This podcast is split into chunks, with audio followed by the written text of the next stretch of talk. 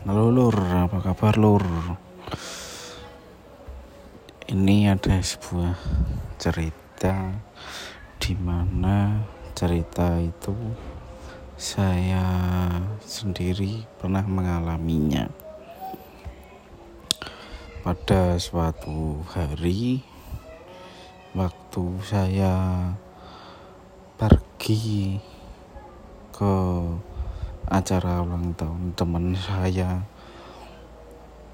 itu diri dirayakan ngecamp di gunung lur. Dan sebenarnya sih belum begitu baru pos pertama sih nggak tinggi-tinggi amat.